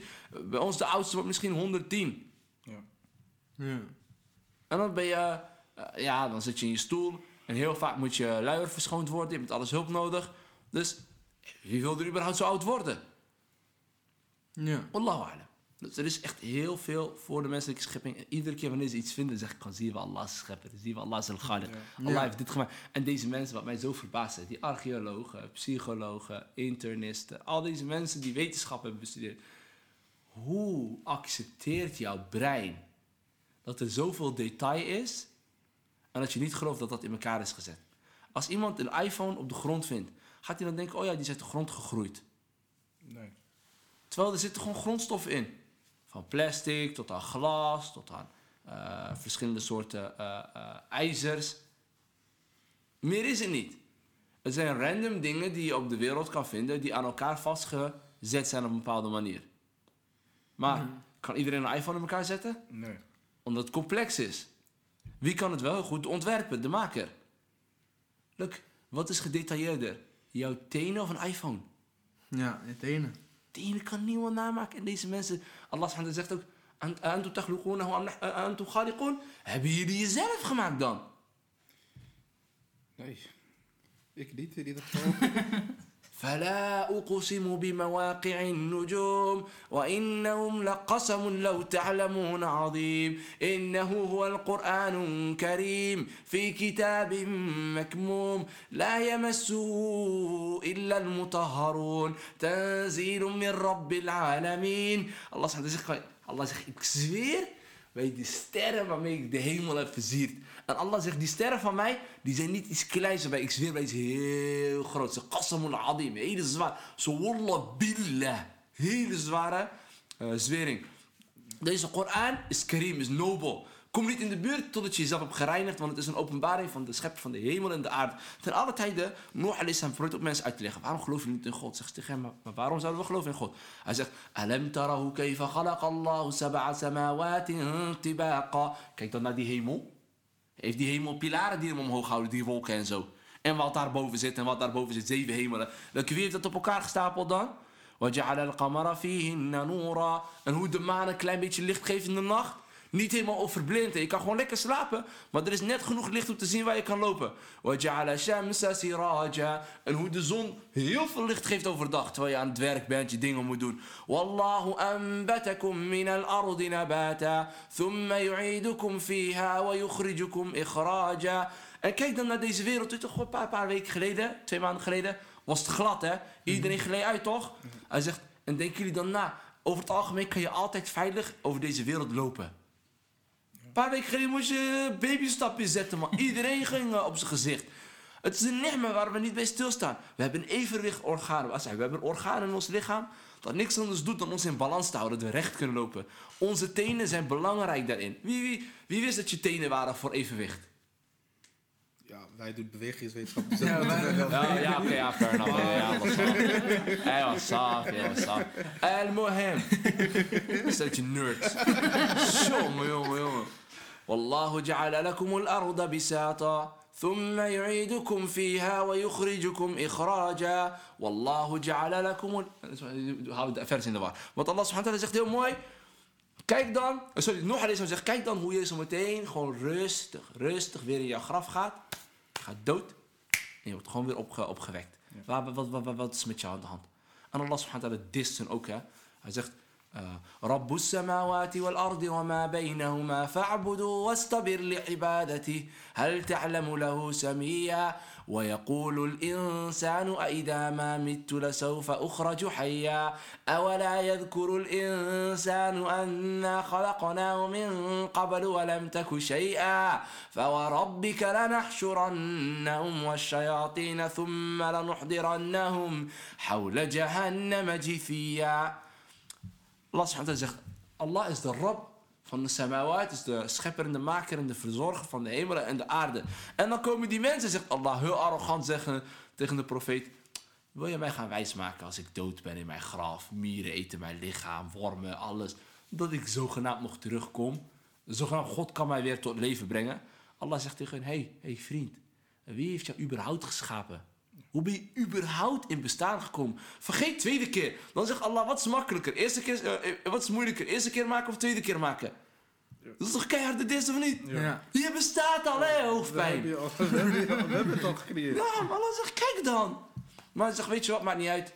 Ik zal jullie verzamelen samen met de shayateen en ik zet jullie gewoon in Jahannam als jullie zo doorgaan. En ik zeg dan, ga maar lachen, ga maar... Oh, toch, laatst zag je ook mensen die God uitschelden, toch? Ja. Ja, ja. Iedereen zo van ja, we moeten erop reageren. Zegt gewoon heel simpel.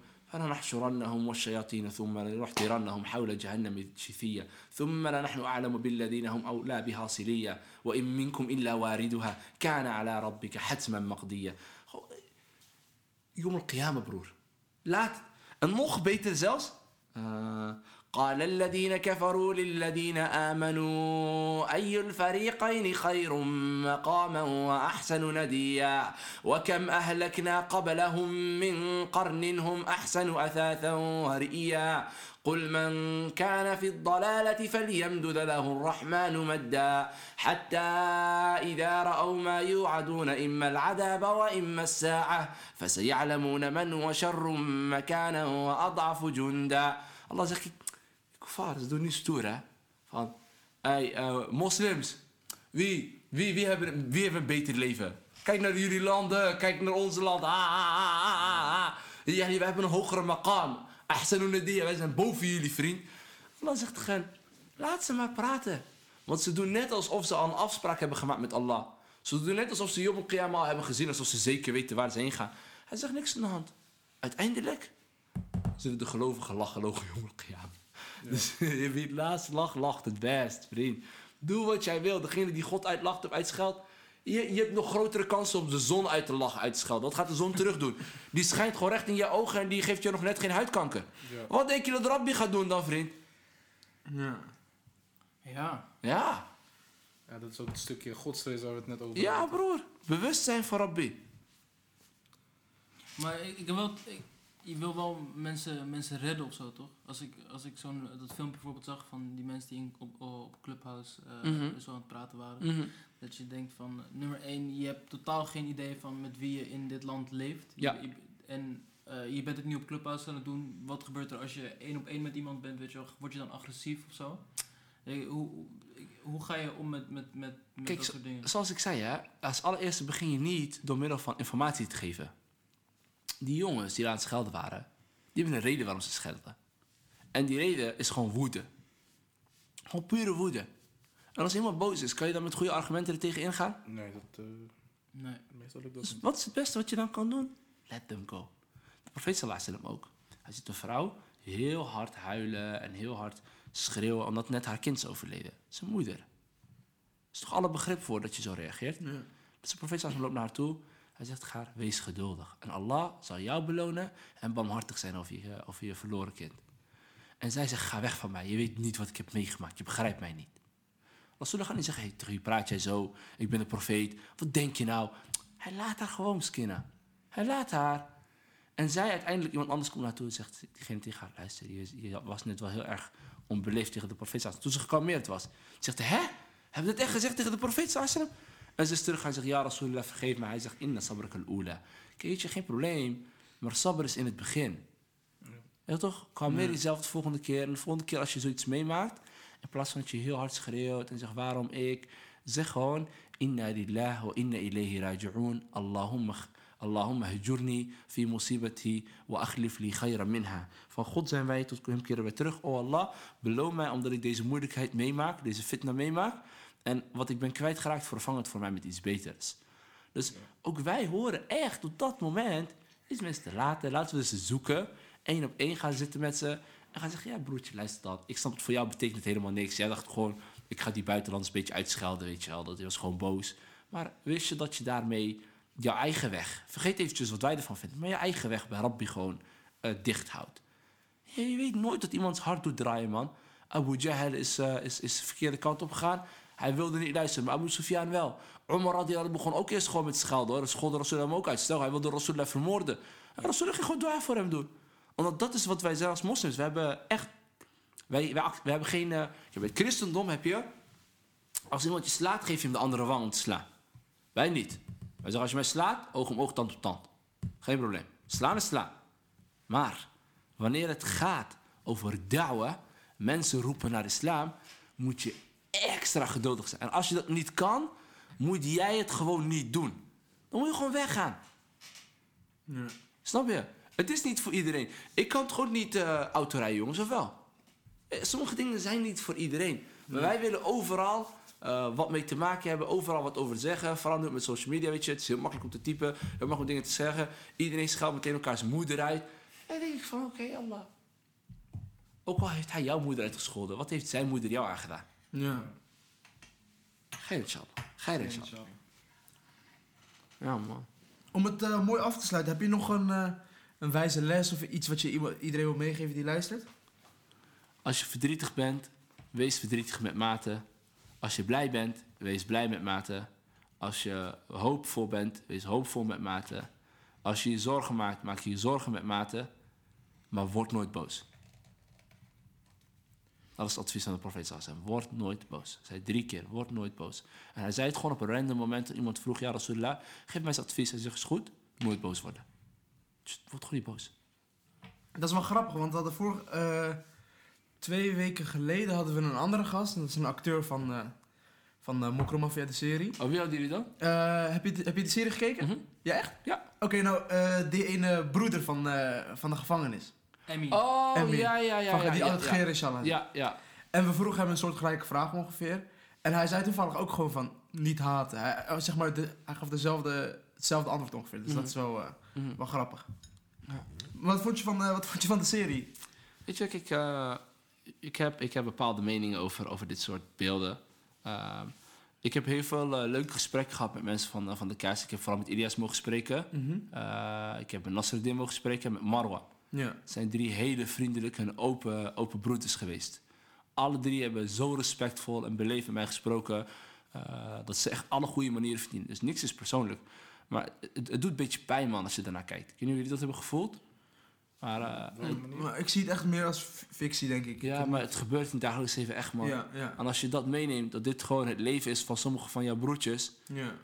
Dat, dat doet gewoon pijn, man. Ja. Zei jij toch, kijk, we kunnen er allemaal wel eh, van genieten van... oh ja, spanning, dat heb ik ook wel, tuurlijk. Maar, wallahi, als dit het leven is van onze broeders... en dat ze elkaar knallen voor, voor, voor, voor haram... dan wens je niemand toe, man. Dus ik vraag gewoon Rabbul Alamin om iedereen die moeite heeft in die wereld... om ze eruit te halen, om hen allemaal te zegenen, om hidayah te geven... ze een schone lei te laten meemaken... een veilig leven te kunnen laten leven... zonder dat ze zichzelf om hoeven te draaien of om te kijken. Ik vraag Rabbul Alamin om ons allemaal begrip te geven. Ik voel mijzelf niet beter dan een van hen. En je beseft je dat we hadden allemaal zo'n leven kunnen leven, hè? Ja. Iedereen. Want deze hele samenleving is ingericht om mensen zoals ons, mensen van kleur, liefst die kant op te duwen. ja.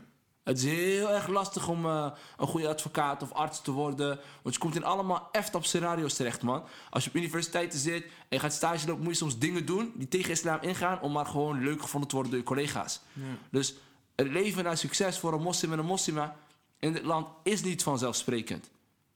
Het is wel vanzelfsprekend geworden om crimineel te worden. ja. Die zeg is gewoon makkelijk. Ja, broer. En dat is echt erg, man.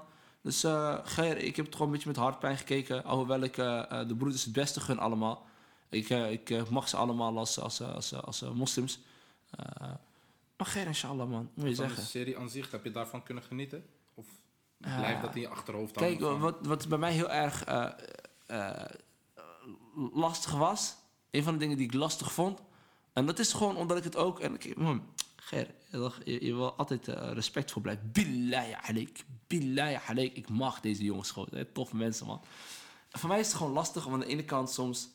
Alhamdulillah, inshallah te horen. En aan de andere kant heel erg geworden in dezelfde zin. Ja. Al weet ik wel dat ze acteren, want ze Ja. doen na wat er gebeurt. Dat gebeurt Ja. gewoon buiten.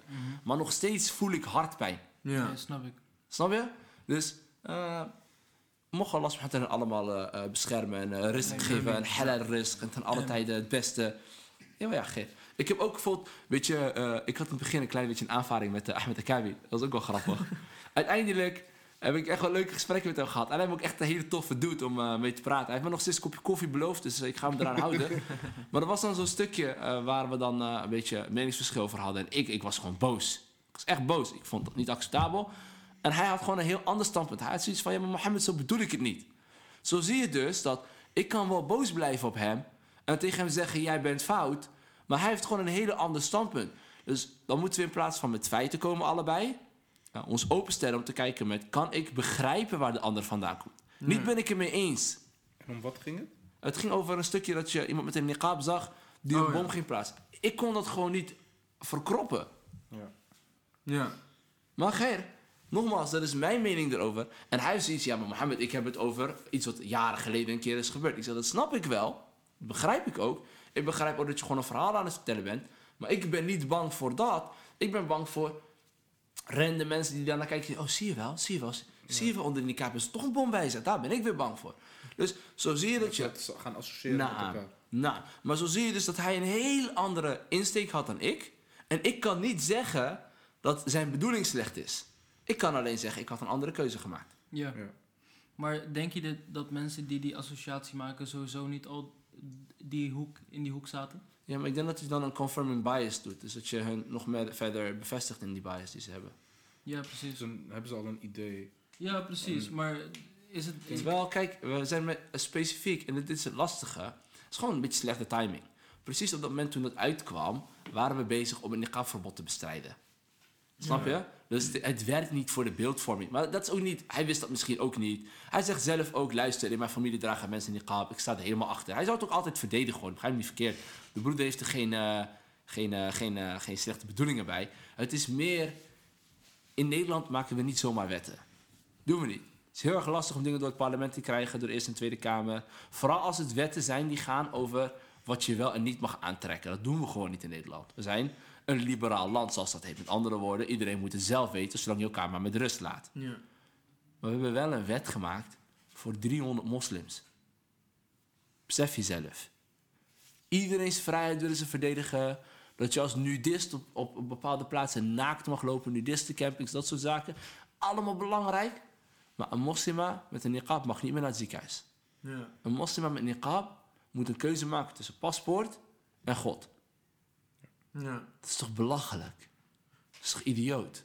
Ja, zeker. Geir, inshallah. Hoe zit het met eh, de niqab in, eh, in coronatijden? In principe als je... Ja, dat is ook weer zoiets. Een hele goede vraag. Kijk, in de wet is het verboden om je gezicht te bedekken. Maar zo zie je met die mondkapjesplicht, dat ze dat ook weer in de wet hebben gezet. Dat je dus als je een niqab draagt, krijg je een boete. Als je een hijab en een mondkapje draagt, niet. Als je een capuchon en een mondkapje draagt, niet. krijg je gewoon geen boete. Dus moslims krijgen nu 300 euro boete. En niet-moslims voor hetzelfde. Gewoon, nou ja, goed dat je je aan de wet houdt. Ja. Wat fijn. Ja. Ja, Een beetje scheef. Daar is niks aan gedaan eh, tijdens... eh, Ze willen niet, broer. ja. Ze willen niet. En, en zoals ik al zei, ik heb 20.000 moslims nodig die met mij op Twitter gaan, man. Als ik, nee, echt. Als ik het leger krijg, het, het, het Twitterleger, dan kan je echt gewoon een partij helemaal overrompelen. Met, Maar Je hebt hier al vier man. Ik weet zeker dat er mensen die het één of twee keer leuk vinden, maar dat is het met ons. Wij hebben die tarbia echt nodig, dat we geduld hebben ergens voor. Bijvoorbeeld, binnenkort is het Ramadan. Iedereen gaat zakat geven. Dus het moment dat je een jaar gaat berekenen, moet, ik zakat betalen. Iedereen geeft gewoon random. Die geeft dan die, die geeft dan die, die geeft dan die moskee. We kunnen niks samen doen. Terwijl we hebben een Nationaal Zakatfonds in Nederland. Een Nationaal Zakatfonds is een website waar je terecht kan met professionals die je helpen met berekenen van jouw zakat. En niet alleen dat geld pakken, maar dat geld ook gewoon beschikbaar stellen. Je kan gewoon formulieren invullen op diezelfde website en een aanvraag indienen voor zakat. Alleenstaande moeders kunnen dat, mocht er een wasmachine kapot zijn, die echt alle hulp nodig hebben. Kleding voor hun kinderen op sommige momenten. En wat willen wij? Iedereen wil zijn eigen voedselbank. Iedereen wil zijn eigen moskeetje. Iedereen wil dit, dat, dit, dat. Terwijl dat soort dingen moeten wij samen gaan voegen. De Joodse gemeenschap doet dat echt heel goed, man. Wij kunnen echt leren van ze op dat gebied. Halal slachten zal helemaal weg zijn, tenzij tot het moment eh, dat de Joodse gemeenschap heeft gezegd: nee, vriend, wij gaan het ook verdedigen. En we hadden hun, hun hulp nodig. Want niemand respecteert ons meer. En waarom respecteren ze ons niet? Niet omdat we met te weinig zijn. We zijn met 1 miljoen mensen. 1 op de 17. Als wij met z'n allen morgen naar Malieveld gaan, heel Nederland gaat huilen. Look, ze waren al bang van een paar boeren. Besef jezelf dit, hè. Hoe vaak hebben jullie de boeren, de boeren, de boeren, de boeren, de boeren, de boeren, de boeren, de boeren, de boeren, farmers, defense force gehoord de afgelopen paar maanden, jaren. ja. Als je nou de moslimgemeenschap kan optillen, broer. Oh, ja Allah. Ja Allah. Ja Allah. Ik ga je zeggen, Nederland, Allahu Akbar, gaat schudden op haar grondvesten. Maar onze gemeenschap, Niet echt een eenheid, lijkt allemaal, niet, niet eens dat. Die eenheid hebben we niet nodig. We mogen meningsverschillen hebben. We mogen ook gewoon zeggen dat bijvoorbeeld eh, een van jullie zegt van nee, ik vind eh, dit beter. En ik zeg, nou, ik vind dat beter. Dat is helemaal geen probleem. Daar verschillen we niet. Het, we verschillen niet in onze, in onze verschillende meningen. Het zit om heel erg bij ons dat we alleen maar bij onszelf bezig zijn. Nefsi, nefsi. Mijn familie moet eten, ik moet dit.